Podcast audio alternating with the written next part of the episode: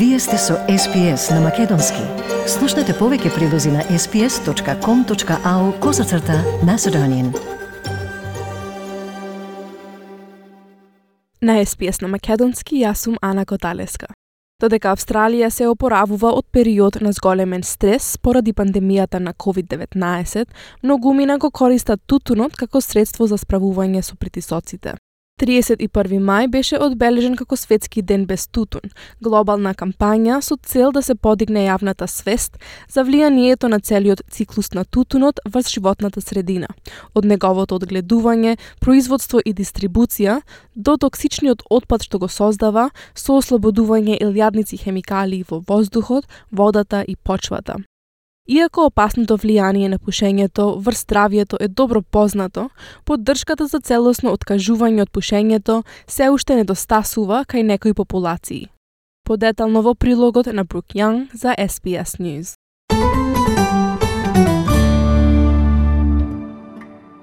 Здравствените последици од пушењето тутун се добро познати низ целиот свет. Но за многу Австралијци за трајно откажување треба да се посвети многу внимание. Присила Джеха е поранешен пушач, но се откажала по две децени пушење една кутија дневно.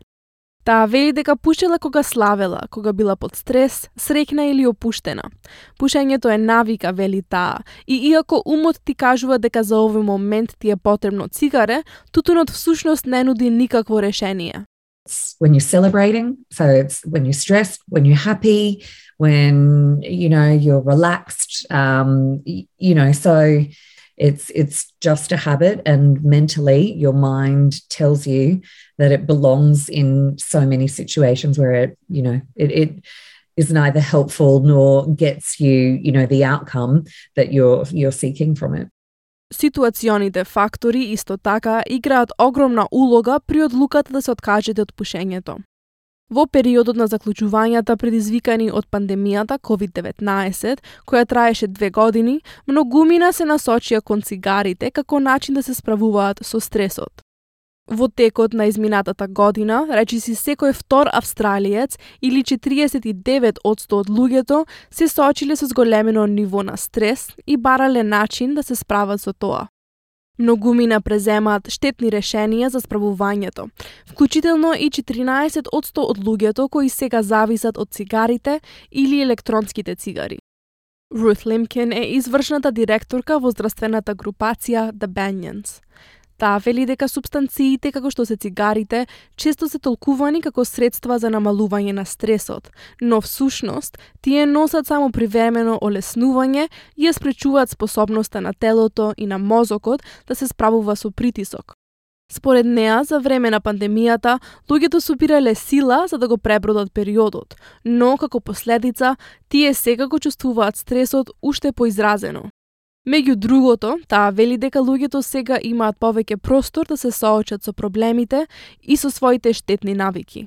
I think one of the things that's really interesting is that, um, like a lot of substances, cigarettes are often seen as a stress relief.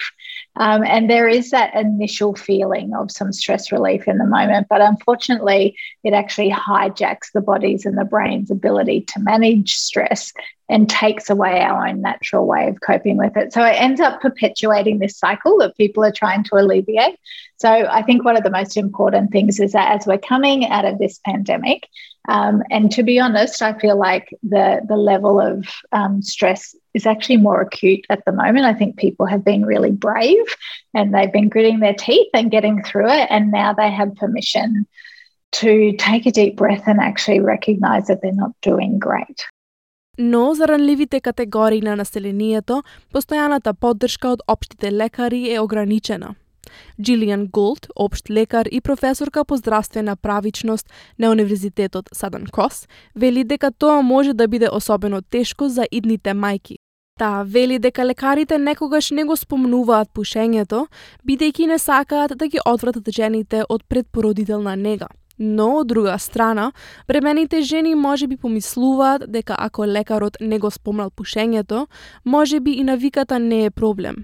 On one hand, uh, health professionals are nervous about um, making too big a deal about smoking because they don't want to um, put a woman off coming for her antenatal care.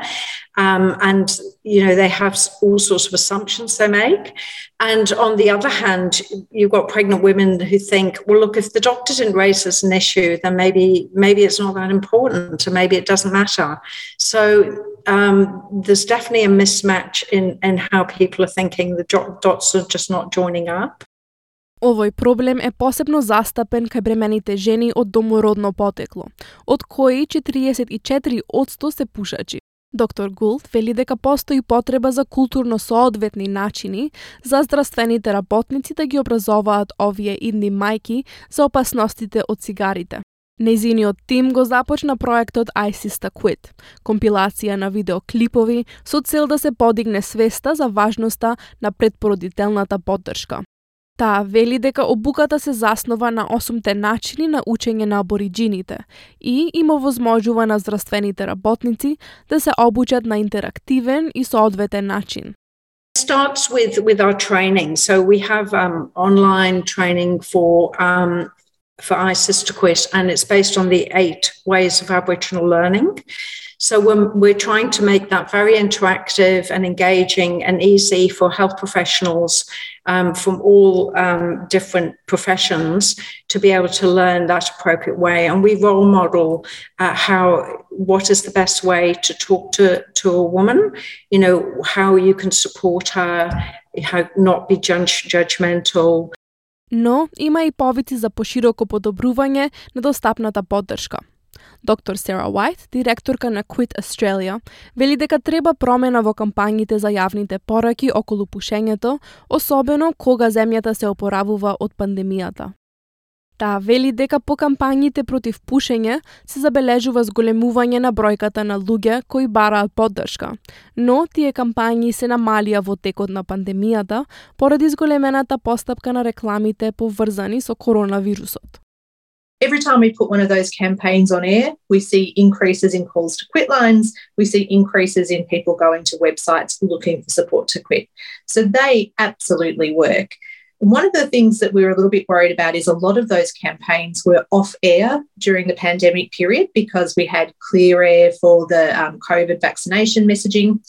But we've also seen a lack of funding for those campaigns from the Australian government. And that we think has also been a really big issue.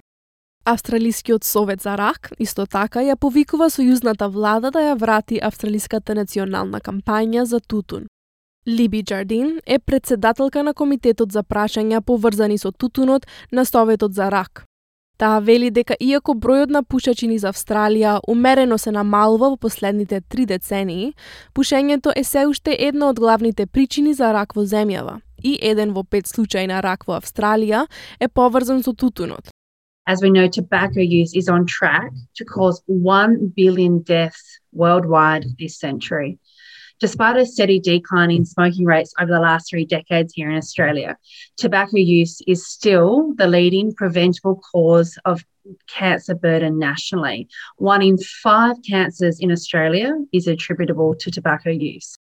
Госпогица Лимкен од здравствената групација The Banyans вели дека постојат и алатки кои се користи на индивидуално ниво за да им помогнат на австралиците да се откажат. Таа вели дека постојат многу начини за справување со стресот и советува луѓето да разговараат со својот општ лекар. There's so many great healthy coping mechanisms to manage stress. One of the things that we would always encourage people is talk to your GP, find a great psychologist. Um, you know, often we wait till the wheels have fallen off a little bit, but if we can get proactive about our health, and there's some really great ways that we can manage stress that don't cost anything. You know, just getting out in nature for 20 minutes a day is free and relatively easy, but has profound effects on our well-being, lowering our stress and increasing our happiness. Peter Hayton е клинички директор и психолог во здравствената групација The Banyans. Тој верува дека еден од најважните фактори за откажувањето е да се предпознае собствената врска со пушењето. Според него, ресурсите и алатките достапни во Австралија се бескорисни, ако луѓето не одлучиле да се откажат од пушењето. I think for uh, people who are smoking, you know, the really important thing is that they want to make a decision to quit. Uh, and from there, it's about getting support and help with that. It's not as easy as just saying, I'm going to stop for most people, uh, and then that's it. Um, and so it's about going to our doctors, you know, getting online. Our support mechanisms around quit smoking are really solid in Australia, but they're not worth anything if somebody doesn't actually lean into them. Иако во просек на пушачот му се потребни 8 до 9 обиди за конечно да се откаже, за поранешните пушачи како госпогица Джеха, упорноста се исплаќа.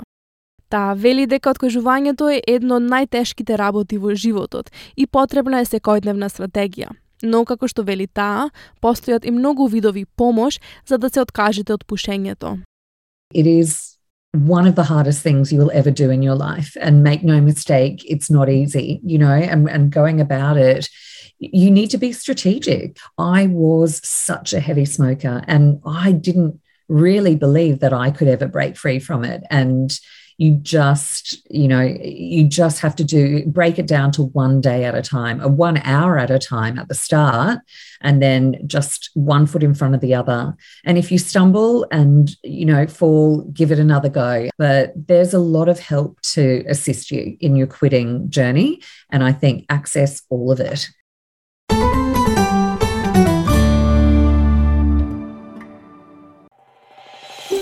Сакате ли да чуете повеќе прилози како овој?